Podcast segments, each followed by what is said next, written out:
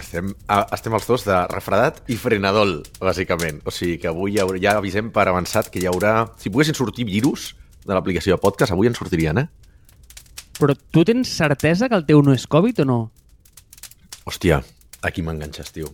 No, no, he, no he fet test perquè just avui m'acabo de llevar amb, amb mocs i, i una miqueta primer principi de refredat. Aleshores, bueno, com que no ha de veure ningú en els propers dos dies o tres, si veig que va pitjor i hi ha de veure gent, doncs em tornaré a fer uns antígens perquè ja me n'he fet tants, tio. n'he fet tants des de... No sé, tio, des de, des, de, des, bueno, des, de, des de 2020, vull dir que ja portem dos anys amb això, saps? Ja no ve d'un test més. Sí, te n'has fet molts. Saps que jo només m'he posat quatre palets pel nas? Hòstia. I, Lucky you. Sí, i, i un el, ara el, el dimarts o així, perquè em vaig trobar malament i, i em van dir, nen, vinga, palito, per si acas. Però no, no, no, estic constipat. Però és que tothom està constipat, no sé per què. No, no es diu... No, no, no diguem constipat, perquè a mi m'ha passat una vegada que, sense En voler... anglès és un false friend, però en català no. sí, sí, sí, exacte. Em va passar exactament això, tio. O sigui, amb una persona eh, anglosaxona li vaig dir que estava eh, constipated i no és el que volia dir. Però en català és correcte, eh? és un refredat en què les cavitats nasals són obstruïdes per abundants mucositats, Marc. Per tant, passa que en anglès constipated vol dir que estàs restrenyit. Sí, bueno, que tens unes altres eh, Tens unes altres obstruccions, potser. obstruccions, exacte. Bueno, Tu, va d'això. escolta, escolta una cosa, aqu- aquesta definició l'has fet en temps real o has No, buscat? no, no, no. Acabo d'obrir diccionari.cat, eh? Ah. el, nostre, el millor amic d'aquest programa, i a veure si algun dia pot ser sponsor, però si a poc a poc tu i jo anirem corregint el nostre català. Espera, que estaves dient lo dels quatre palets, tio. No, no, no te'n vagis per les rames. Que dius que només t'has fotut quatre, quatre tests. Són pocs, tio, en dos anys. Sí, és que... Que no has viatjat. No, No. has fet... És que, tio, tu aquests dos anys no has sortit de la cova, Marc. No has anat ni al barber, cabron. Ostres, tu, quines, quin pretext més bo que tenim per començar a parlar de, de blockchain avui, eh? Quin canvi de cintura, eh, tio. Total, eh? Perquè mira que sempre em treus temes que, bueno, tangencialment es poden agafar per algun lloc i dius, bueno, avui parlarem d'això, parlarem de l'altre, però avui, xato, de palitos pel nas, eh, refredats... Vinga, I- cap a blockchain. Com ho fem, cap, això? a, cap al blockchain, tu. Refredats descentralitzats tenim avui. Com, com faràs aquest malabarisme? No ho sé, tio, Àlex, no ho sé. És que crec que no el faré perquè és que avui era, crec que era el pitjor dia per gravar amb aquestes veus, eh? Eh, bueno, no, jo és que jo ja et dic, segur que estaré pitjor durant el cap de setmana. Vull dir, avui és dijous, eh, el cap de setmana mm, no, no estaré si continuo, si, si va així. No sé, eh, potser és una cosa d'un dia que he pillat dos dies de pluja que m'ha caigut la pluja a sobre aquí a Barna, però bueno, no ho sé. Bueno, doncs, parlem una mica de, de blockchain. Vagi per endavant, que no en tenim ni puta idea. Val? Aleshores, així ja ens traiem potser els, els trolls o els haters que ens vulguin venir a dir de no en teniu ni puta idea. Ja ho hem dit nosaltres. Val? Per tant, aneu tard. Eh, sí que anem a, anem, a, anem a introduir una mica... O sigui, la idea de l'episodi era la de veure les nostres visions de a veure si realment és una tecnologia que canviarà el món, si no, en quin estat està, quant de temps porta, eh, quins, quines aplicacions al món real té i què fa falta, potser, perquè acabi sent el nou internet, no? com alguns vaticinaven. Val? Per, perquè al final, dir, al final es tracta de que una tecnologia, si ha de, si ha de fer el salt a que l'adopti tot el món, ha de ser no només accessible per la gran majoria de les persones, sinó que ha de ser entendible, no? ha de ser usable per la gran majoria de les persones, perquè eh, les adopcions de tecnologies van per fases, no? sempre hi ha la fase dels, dels visionaris, que és quan algú creu en una tecnologia que, no, que encara no existeix, però que hi ha doncs, els teòrics i la gent que són una miqueta friquis que es creu mirant els white papers, la recerca que s'ha fet sobre això, diuen, ostres, sí, jo m'ho crec, ho compro, inverteixo en això, eh, faig els meus pinitos, faig les meves proves amb aquestes històries, abans fins i tot que es llanci, no? en un estat molt beta o alfa. Després vindrien els early adopters, que són la gent que en una primera fase on ja la tecnologia està disponible, potser a través d'un programa de d'usuaris reduïts, un programa de beta, in, només per invitació, a poc a poc van entrant en aquesta tecnologia, la van usant i la van fent més accessible, van generant contingut, van fent xerrades i formacions, s'organitzen esdeveniments i conferències al respecte, i després ja va saltant cada cop més al mainstream, no? Però, i això ja arribarem potser una miqueta més endavant en l'episodi, és sempre fa falta un pas més, que és el, el, el salt quantitatiu, eh, diguem, d'arribar a el, diguem, el 80% de la població. Quan ja arribes a aquest 80%, que ja vol dir que gent, inclús fora del sector, els reaccionaris, els que estaven inclús en contra de la tecnologia, l'acaben adoptant, aleshores quan la tecnologia ja s'ha establert i ja es pot dir que és, que és global, no? Una mica com el que va passar a internet. Molt maca aquesta introducció. A veure, va, anem a donar una mica de context històric, si vols, perquè primer, o sigui, si, si traiem el manual i molt abans de que arribi tota aquesta ona de, de, descentralitzada de blockchain, internet ja era descentralitzat, saps? El, el web 1, el bàsic, el, el del directori de Yahoo, eh, al final allà el que es va fer va ser com inventar els protocols, no? I, i en allà el que es va fer es va, ser, es va inventar el TCP/IP, es va inventar l'SMTP i, i tu, tu tenies el teu blog, cadascú tenia com la seva illeta en el món i tot estava fantàstic, no? Eh, hasta que va arribar un senyor que va dir no, escolta, que resulta que aquests protocols el que fotrem serà crear aplicacions per sobre, eh, les centralitzarem i resulta que això corre d'una manera infinitament més eficient i fotrem una quantitat de pasta a sobre d'aquests protocols de la hòstia. I això seria com el, el Web 2, no? Seria el, el Friendster de, de, de, de la vida i, els, i, i tota la part de social network. Eh, llavors, això potser ho hem portat massa cap a l'extrem i ara resulta que en lloc de tenir com petites illetes tenim uns quatre continents i només hi ha quatre continents. Ens hem donat compte que és més còmode eh, tenir el, el mail eh, hospedat a, hospedat també amb pa- paraula bonica, eh? Allotjat. Boníssim, boníssim, boníssim. Al mateix temps, eh? Boníssim. Allotjat per un altre i que l'ordinador corri en un altre perquè al final tot, tothom es pregunta, no? Dir, tio, què és, un, què és el cloud? Què és el cloud? Tio, el cloud és l'ordinador d'una altra persona, saps? Exacte. no L'ordinador és en unes altres oficines que no siguin les teves, però Exacte. no hi ha ordinadors flotant per ahí. Exacte. Exacte. I això doncs, ja veiem, doncs, de la mateixa manera que el del web 1 va portar problemes de hosti, eh, el que tu deies, no, Àlex? Hòstia, que complicat és arribar al 80%, l'adopció no és alta, aquí vas baixar i vas tirar al terra les barreres d'entrada, però per altra banda has portat altres problemes, no? Igual, i diguem-li privacitat, diguem-li centralització, diguem-li... Bueno, hi ha mil maneres, millor no entrem. Eh, però resulta que eh, cap allà el 2009, 2008-2009, un xato que es deia Satoshi mm, diu, mira, això és el Bitcoin eh, i treu el protocol eh, a la, a, al món. I, tio, a mi em serà superinteressant això, perquè crec que de la mateixa manera que t'he donat com aquests tres aquestes tres èpoques de, de web, crec que també hi ha com tres èpoques dintre de Web 3, com si diguéssim, no? I, i fem servir Web 3 per, per denominar aquest, mm, eh, no ho sé, aquesta tercera etapa més descentralitzada del, eh, de la tecnologia. I, i, això va sortir com en un moment super timely, no? Perquè si, si tu penses, tio, avui en dia, o sigui, que, que, que, el, que el sistema financer funcioni tio, és un puto miracle, saps? O sigui, el que hem fet amb ell, eh, de, de, des, de, des de el paper moneda, eh, és com anar posant com un pedaç sobre pedaç, saps? Eh, hem intentat com doblegar una olivera centenària, tio, i fotre-la en una caixa de mistos, saps? Quasi. Vull dir, hem intentat fer alguna molt, molt complicat, no, tio? I quan t'expliquen coses com que cada vegada que generes una transacció pues, se t'aplica una comissió per encobrir el frau, que ja es dona per descomptat, que, no sé, que quan fas un pagament el venedor no rep directament l'import, sinó que tot passa per un sistema de crèdit abans, tio. És, Una és, bogeria. és una bogeria, és boig, o sigui, és boig. O sigui, quan, quan realment t'ho expliquen, dius, tio, mm, mira, vale, va, la, la, la broma de l'episodi, mai millor dit, ja, ja, ja, no donem crèdit, vale? Llavors, eh...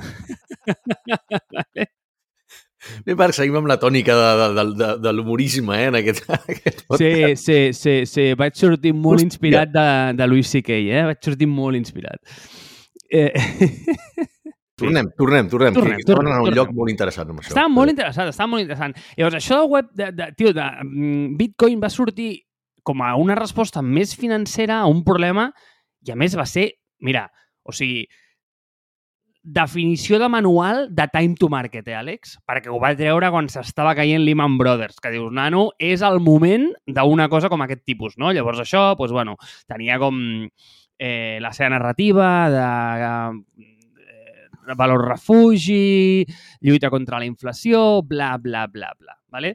Llavors, això estava bastant limitat al sector financer, anem a dir. Però, llavors, jo és el que dic, que hi ha com tres èpoques, no? Aquesta és la primera, la segona és la de les finances distribuïdes en el sentit de que ja van dir, ei, tio, eh, que aquí surt una altra cosa que es diu Ethereum, que el que fa és que no només pots mm, enviar i transaccionar diners i especular amb això, sinó que a sobre pots crear com aplicacions que funcionen de forma descentralitzada. Eh? Check, ¿vale? Punt 2. Llavors aquí pues, podem també parlar de pues, eh, les bombolles que s'han generat i, i, i tots els eh, projectes que s'han muntat a la cadena d'Ethereum, però crec que no ve al cas perquè no, no, anem, no anem cap aquí.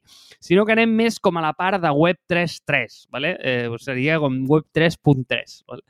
eh, on realment s'està plantejant aquesta computació descentralitzada, no? És a dir, de quina manera es poden crear aplicacions amb una tecnologia totalment o radicalment diferent a la que hi ha ara. I aquest és el teu punt.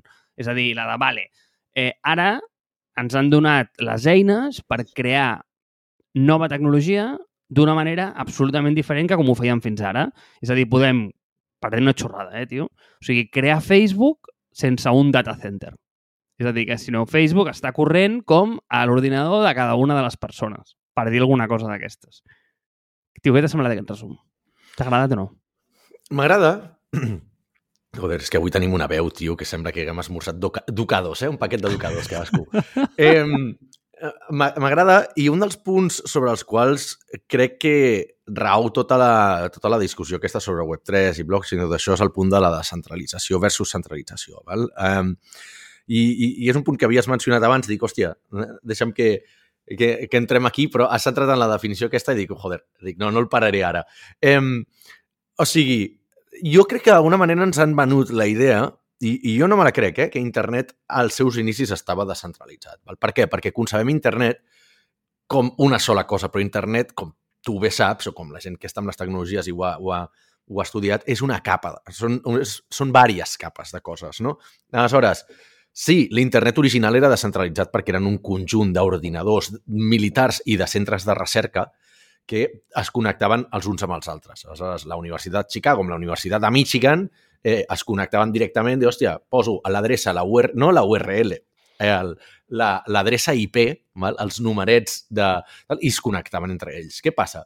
En el moment en què ja crees la següent capa, que és a, eh, a, per fer-ho més accessible, per conveniència, per no haver de recordar tots els números aquests, cre es creen els, els DNS, no? Sigui, quan ja crees els DNS i els, i els, els dominis i tota aquesta capa que fa que, per conveniència, no haguem de recordar quina és la IP de Google quan ens volem connectar a Google i simplement posant google.com al nostre navegador, el DNS s'encarrega, aquest protocol s'encarrega de traduir google.com a la IP de Google o de l'ordinador de Google al qual t'hagis de connectar, aquí ja comences a centralitzar coses. Val? Per què? Perquè a la que cau un de... acaben els servidors de DNS que passen de tant en quant, o quan va haver-hi la caiguda de, de Facebook, no, no, no fa gaire, no? Ja, eh, ostres, ja tens agrupat un gran número de coses que per conveniència t'ajuden, però estan centralitzant, estan centralitzant coses. De fet, m'atreviria a dir que avui en dia internet està supercentralitzat, no? però més aviat a nivell conceptual. És a dir, tot passa per Google pràcticament, ara no m'atreviria a dir un número a, a la babalà, eh? però, però quin percentatge de cerques a la web, o sigui, la primera acció que fan a la web eh, és buscar Google, perquè obren Chrome, no? O sigui, ja només per això, Google, Gmail, Google Calendar, tota aquesta història, si Google se'n va a prendre per sac, d'avui per demà, diguem, eh, s'hauria de reinventar una miqueta internet perquè, ostres, eh, bueno, farien falta moltes alternatives que ja existeixen, evidentment, però la veritat és que ningú les fa servir. Val? Aleshores ja crec que d'alguna manera va per capes, no? I que, on vull arribar amb tot això? Que jo crec que la descentralització absoluta és utòpica. Val? Jo veig que la gent que lluita per la per aquesta, per la, la criptollibertat, no? que et donen la, les criptomonedes, per al tema de blockchain com a salvació de, contra digue-li, contra el sistema capitalista, contra la, la tirania d'internet i de les grans tecnològiques i dels governs, etc etc. és una lluita perduda.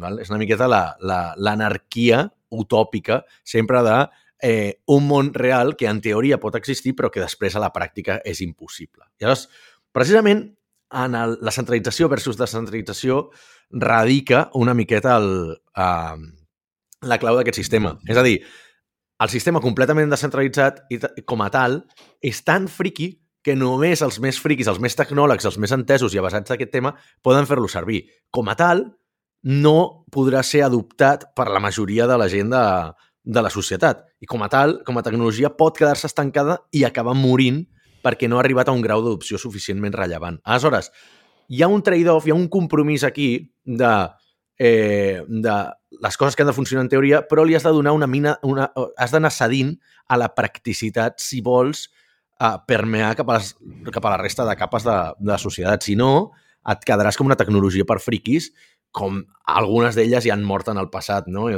aquí a les notes teníem apuntat, passarà com la realitat virtual, com el Second Lives, com altres tecnologies que ja han mort i que havien de canviar el món i no ho han fet.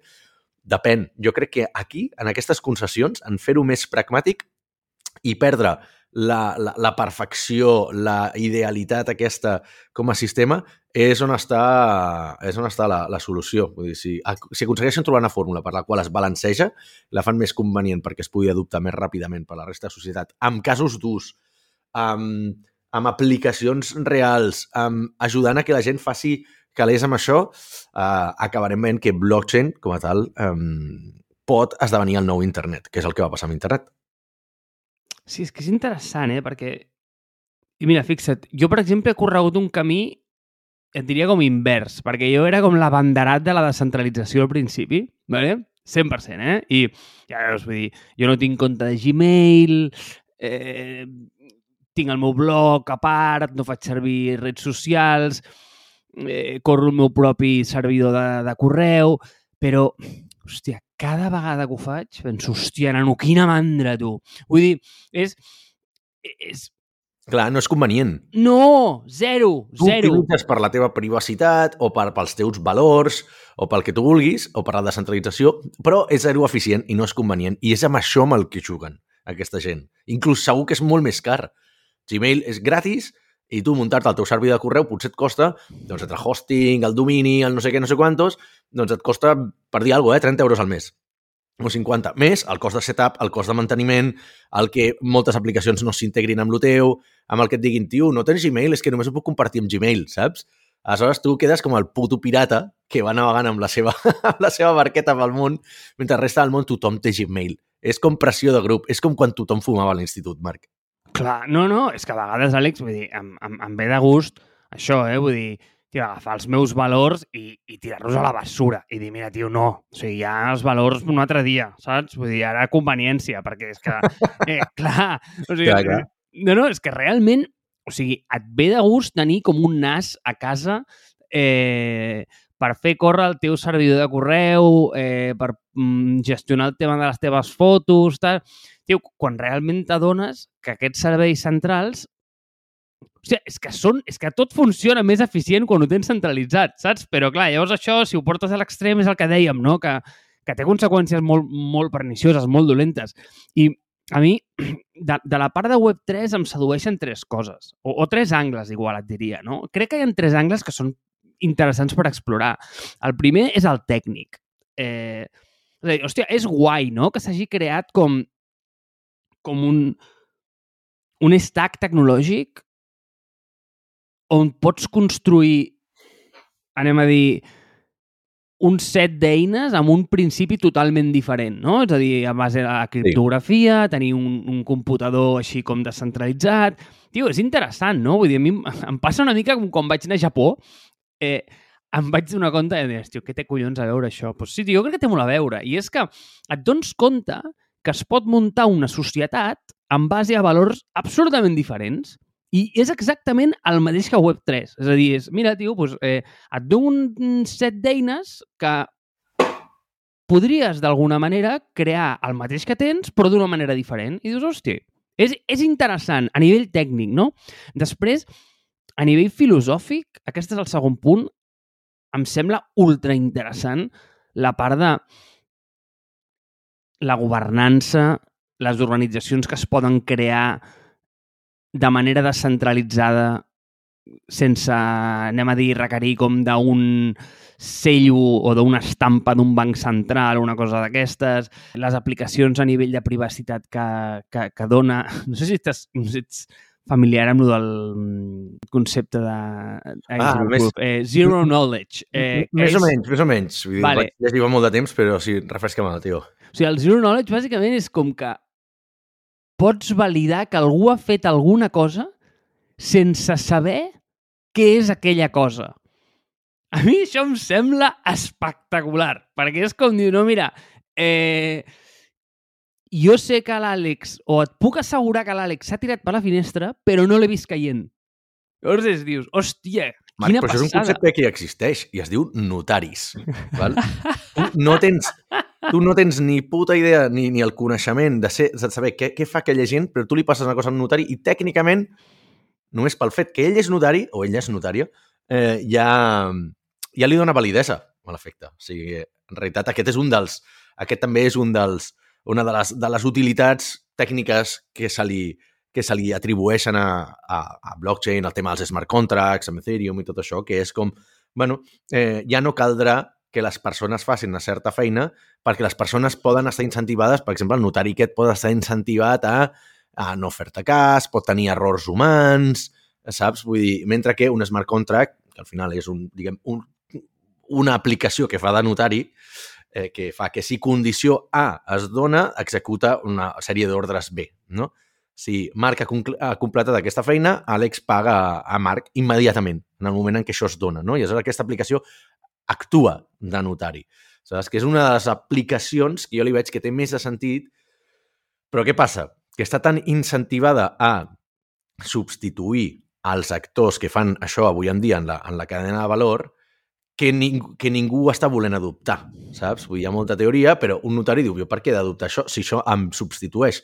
Els bancs per què volen adoptar Bitcoin més enllà de... Han trigat molts anys, eh? han trigat 10 anys a, a invertir en Bitcoin i ho fan més com a, com a valor especulatiu que no pas com a creença en la tecnologia, perquè la tecnologia els fa fora del mercat. Aleshores, clar, aquí els grans players, els establerts, els incumbents, diuen jo per què he d'invertir o he d'adoptar una tecnologia que em pot matar, però jo ara, en aquest mateix moment, la puc matar jo a ella. Si tots ens posem d'acord, li fotem un cordó sanitari i no la, i no, no la deixem entrar al mercat i la deixem que acabi morir, que això és el que acaba passant també amb moltes, amb moltes tecnologies. No? Els grans players de mercat diuen no, doncs no, no ho acceptarem, eh, no la farem servir, la, des, la desacredi desacreditarem i, i, i començarem a fer circular històries i rumors de que aquesta tecnologia no és segura, cada cop surten més notícies de frau amb Web3, amb criptos i no sé què, que moltes seran certes, però també moltes seran fabricades pels grans incumbents que el que volen és desacreditar aquesta tecnologia, no? Perquè no els hi convé gens. Aleshores, hòstia, és que és tot, eh, en, en aquest sentit, com, com, diria, com diria Rajoy, eh, és, eh, és eh, very difficult todo esto, saps? No saps ben bé què és cert i què no és cert d'aquesta revolució que es pressuposa de, de Web3. Aleshores, tu estàs del cantó dels pirates, però són pirates realment o estàs al cantó dels corporates? Perquè, hòstia, també no són, no són eh, Madassant tampoc, saps? No són caps, caps angelets ni, ni germanetes de la, de la caritat. Clar, i mira, és que, hòstia, mira, ara sí que m'has donat bé com un passe de gol, perquè això em porta al meu tercer punt, que era el, el, el primer era el tècnic, el segon era el filosòfic, i el tercer, que em sembla interessant, és el tema de negoci.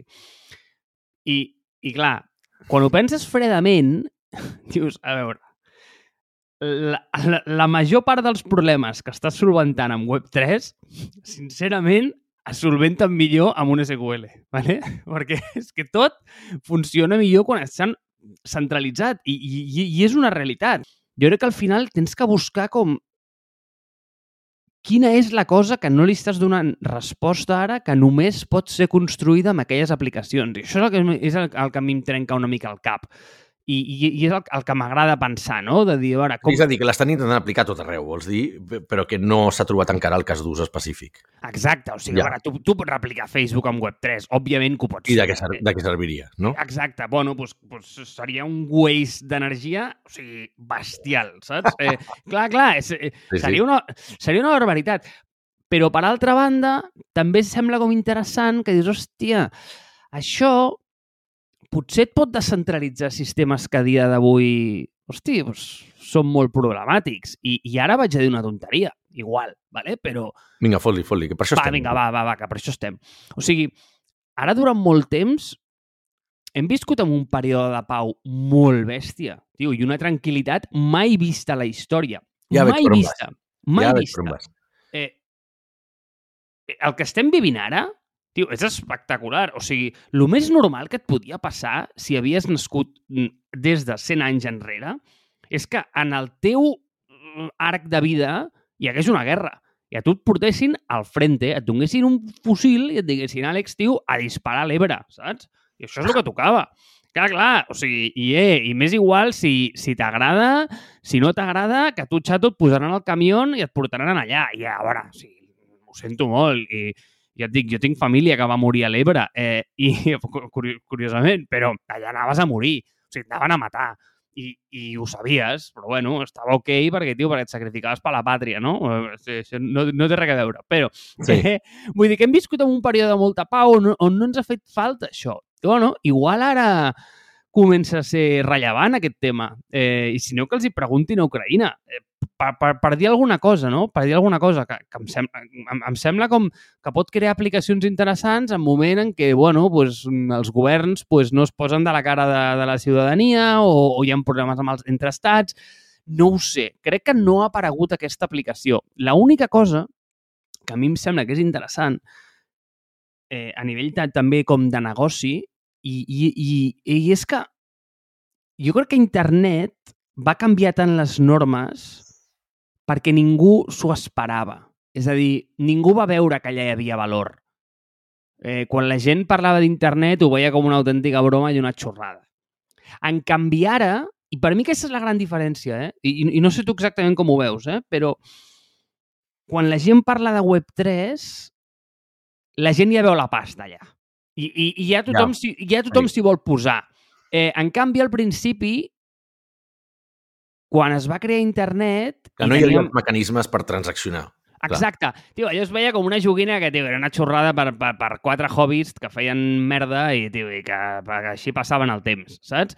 Però, però ara, aquí, la gent està dient joder, joder, joder, això és la següent cosa, eh, hem d'invertir tots i tothom està mirant, saps? Llavors, crec que no estem prenent aquest, aquesta aproximació tan, tan naïf com, com teníem a l'època d'internet. I naïf, innocent, oi? Sí, innocent. Eh, sí, i aquí, mira, el tema de la guerra, o sigui, per no haver-ho preparat, està de puta mare, perquè és un- una miqueta com on volia arribar, no? O sigui, al final, si t'hi fixes, hem acabat tornant els, les tres vegades, les tres, les tres etapes que tu has donat, hem acabat tornant al tema de cen- descentralització. O sigui, per posar-ho una miqueta me, menys tècnicament per la gent que potser no és tan, tan tècnica, eh, que ens escolta i que em consta que són molta gent. Eh, al final, el tema de centralització versus descentralització seria què passaria si to, tot el món, o sigui, en, en blockchain, eh? o sigui, l'equivalent en una societat actual seria què passaria si tot el món tingués el seu propi poble i visquéssim, en societats d'una persona. Clar, que dius, ostres, ara de cop i volta tothom ha d'aprendre a fer de tot, a cultivar, a conrear, a, a, a caçar animals.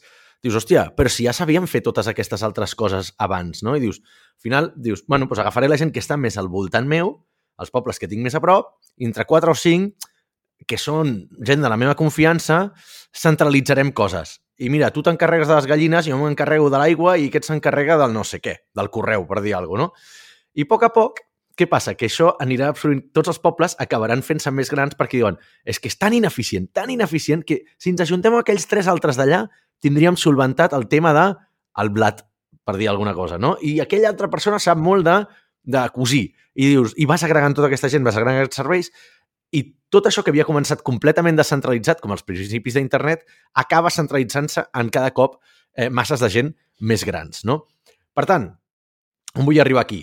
Amb el tema de la guerra d'Ucraïna estem veient una realitat que és molt, molt, eh, molt interessant en aquest aspecte, eh?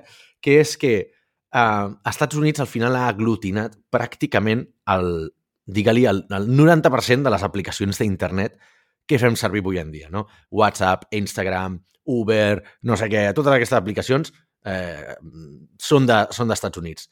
Però, si t'hi fixes, les altres dos grans potències mundials, que són Xina i són Rússia, tenen les seves versions locals d'absolutament qualsevol cosa. Per què? Perquè a, a Rússia, per bé que puguin tenir Google fa, o, o Facebook, fan servir Yandex, per exemple. No? A Xina fan, no fan servir WhatsApp i tot això, fan servir WeChat. Eh, no fan servir els, el tema dels eh, cotxes, com es deia el de Xina? El de Xina tenia un nom... Didi. Exacte. Eh, tot, tenen tot el seu, el seu ecosistema de coses locals, no tenen Amazon, fan servir AliExpress o Alibaba, perdona, eh, doncs Rússia té, té tots els seus players en aquest sentit. Con la qual ve als Estats Units i li diuen una de les coses que han intentat fer en les sancions a Rússia és dir, vale, doncs us deixem sense, sense Google, us deixem sense no sé què, us deixem sense no sé quantos. I els russos diuen, i a mi què? Si tinc totes aquestes coses ja fetes per mi. Si això ho fessin a Espanya, per dir alguna cosa, si Espanya envaís un país o un territori por ahí, no et sabria dir quin, eh? però vull dir, si algun dia es decidís llançar una guerra il·lícita com el que està fent Rússia amb Ucrània, i els Estats Units digués, això no ens sembla bé, o la Unió Europea diguessin, vale, ara us deixem sense, sense internet, us deixem sense Google, sense Facebook, sense no sé què, a Espanya es quedaria amb dos putos pams de nas. Per què? Perquè el més similar que va tenir a una infraestructura tecnològica va ser Puto 20, val? o sigui, un dels fracassos més grans de la història d'internet. Uh, vull dir, això és el més similar que hem construït. Per tant, als Estats Units té agafats pels collons a la, a la majoria dels dels països del planeta. Llevat els que són una mica de més astuts o tenen una potència econòmica suficient com per saber que no poden dependre tecnològicament a internet dels Estats Units i s'han construït el seu propi internet. Val? Aleshores, cas per la descentralització? Va bé per algunes coses, va malament per les altres. Sempre et diran que, ostres, va bé per el tema dels els pirates, les primeres transaccions de Bitcoin es feien per, eh, per, per comprar droga a la, a la Deep Web i totes aquestes històries, però també et serveix com a defensa en, en coses com aquesta de dir, val, hòstia, aquesta dependència 100% que tenim d'internet no és tan diferent de la que tenen molts països del gas i el petroli de, uh, dels països de, com Aràbia Saudita o la mateixa Rússia. Per tant, donem una volta. M'ha agradat el concepte de veure quin país invadirem nosaltres, eh? bueno, digue-li nosaltres, digue-li ells.